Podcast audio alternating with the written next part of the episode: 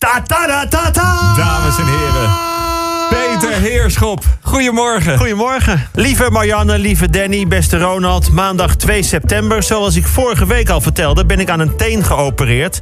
Was voor de orthopeed een routineklusje. Sterker nog, om zichzelf uit te dagen... had hij de teen in negen stukjes gezaagd... om er net als bij het spel Tangram... eerst zoveel mogelijk nieuwe figuren van te leggen. Maar daar gaat het niet om.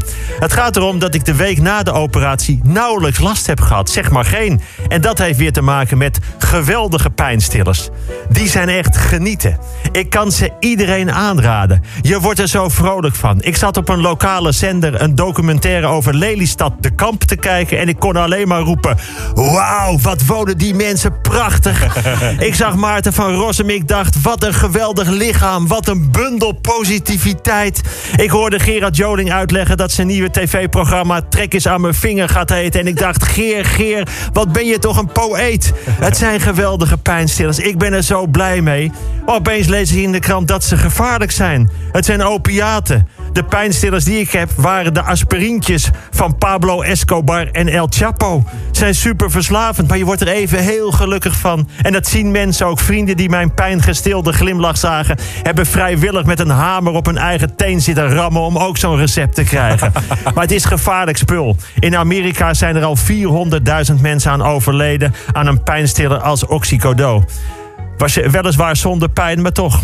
Zelf ben ik er dus mee gestopt en ik vraag alleen nog voor het slapen aan mijn vrouw: mag ik er een kusje op? En dan bedoel ik niet eens mijn teen. Dinsdag 3 september. Een jongen in Australië zit in een tweezits vliegtuigje als een instructeur buiten bewustzijn raakt. Hij meldt dat aan de luchtverkeersleider en die vraagt aan de jongen: Weet jij hoe je zo'n vliegtuig dan zelf aan de grond moet zetten? Zegt de jongen: Ik heb geen idee, het is mijn eerste les, maar ik heb wel al een theorieles gehad. En vervolgens laat hij het vliegtuigje na 10 minuten perfect landen. Kijk, sommige dingen lijken moeilijk, maar als je er even een lesje in neemt, kun je het ook. Zelf heb ik twee hoofdstukken uit een boek gelezen over tandheelkunde. En ik heb vandaag inderdaad mijn eerste klanten voor een wortelkanaalbehandeling. Weet je wie een echte held is? Danny Vera. Waar ik overigens ook muzikaal een groot fan van ben. Maar het gaat niet om. Danny Vera liep op de Herengracht in Middelburg. Daar stond een hond naar het water te blaffen. Daar bleek het baasje in te liggen. Roerloos. Danny, zonder nadenken, is erin gesprongen en hopla, hij heeft de man gerecht. En nu het gedeelte waarmee je in een café vrijwel elke vrouw mee naar huis kunt krijgen. De hond van de man is nu zo dankbaar dat hij niet meer bij Danny weg is te slaan. Dat beest begrijpt dus blijkbaar wat er gebeurd is... volgens hondenkenner Johan Derksen. Danny bevestigt het verhaal. Hij zegt, de hond liep vandaag weer bij ons over de Herengracht... en toen hij me zag, kwam hij naar me toe... en hij begon me overal te likken. Neem van mij aan, na hoef je tegen een vrouw alleen nog maar te zeggen... zullen we bij mij thuis nog wat gaan drinken? en je hebt alle kansen. Woensdag 4 september, het is net vakantie geweest... dus jullie zijn misschien een beetje kwijt hoe het gaat met de brexit. Ik breng jullie even op de hoogte. Theresa May is weg. Je hebt nu Boris Johnson en die wil zo snel mogelijk een brexit. Mag van hem ook een harde brexit als het maar snel gaat. En daar hebben ze een soort stemming over gehad in het lagerhuis. Daar heeft hij een meerderheid. Maar die stemming heeft hij verloren omdat hij ook een minderheid heeft. Want de meesten zijn dus voor Johnson, maar de meesten zijn ook tegen hem. En er komt zeker een harde brexit, maar waarschijnlijk ook een zachte of helemaal niet. En er komt geen uh, uitstel, maar het gaat wel een tijdje langer duren. Samengevat, de brexit komt waarschijnlijk pas na de laatste voorstelling van Soldaat van Oranje. nou, dan zijn jullie volledig op de hoogte. Weet je wat ze ook zeggen? Dat een kleine bord helpt als je minder wil eten. Want op een kleine bord lijkt het of er meer op ligt. Daarom is een vrouw met kleine handen ook zo leuk voor mannen. Maar daar gaat het nu niet om. Daar gaat het niet om. Ik wil wat duidelijk maken. Jarenlang zeiden wetenschappers dat je met een kleiner bord minder ging eten. Dat is helemaal, het blijkt niet waar. Ze hebben een onderzoek nog een paar keer gedaan. Mensen met een groot bord, mensen met een klein bord... schoven evenveel naar binnen. Wat wel helpt is een kleinere portie aanbieden. Want ik noem maar wat, als er in een pakje sultana's drie zitten... dan eet je er drie op, want zo werkt het. Wat er is, moet op. En het is ook zo.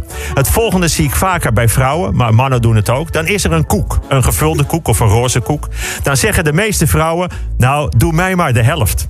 En dan eten ze de helft. Maar als ze die helft op hebben, dan nemen ze van de overgebleven helft ook nog even de helft.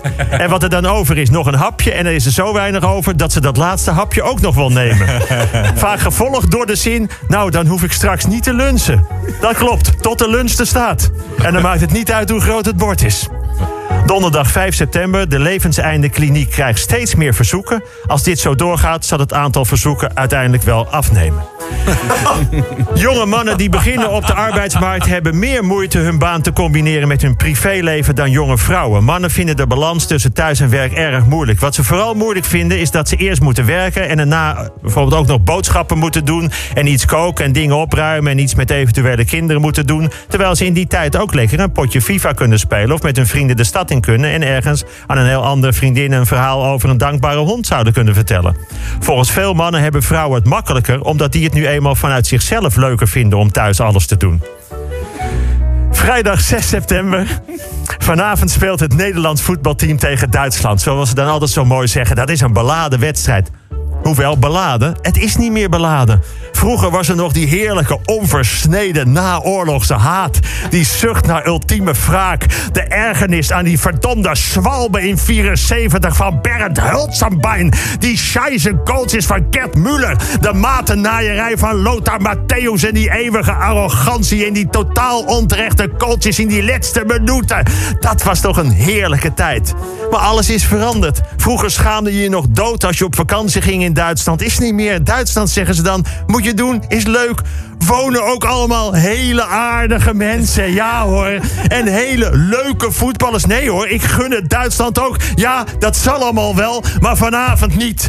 Ik hoop dat Oranje drie totale punten meeneemt uit Duitsland. Op welke manier dan ook. Slopen die handel. En dan gunnen we morgen Duitsland weer alles. Nou, dat was het. Morgen ben ik jarig, voor de zoveelste keer. Zelf hoef ik geen cadeaus, maar ik zou zeggen... geef zomaar iets kleins aan iemand dicht bij je die daar niet op rekent. En als iemand dan vraagt waarom, dan zeg je... ik moest aan je denken.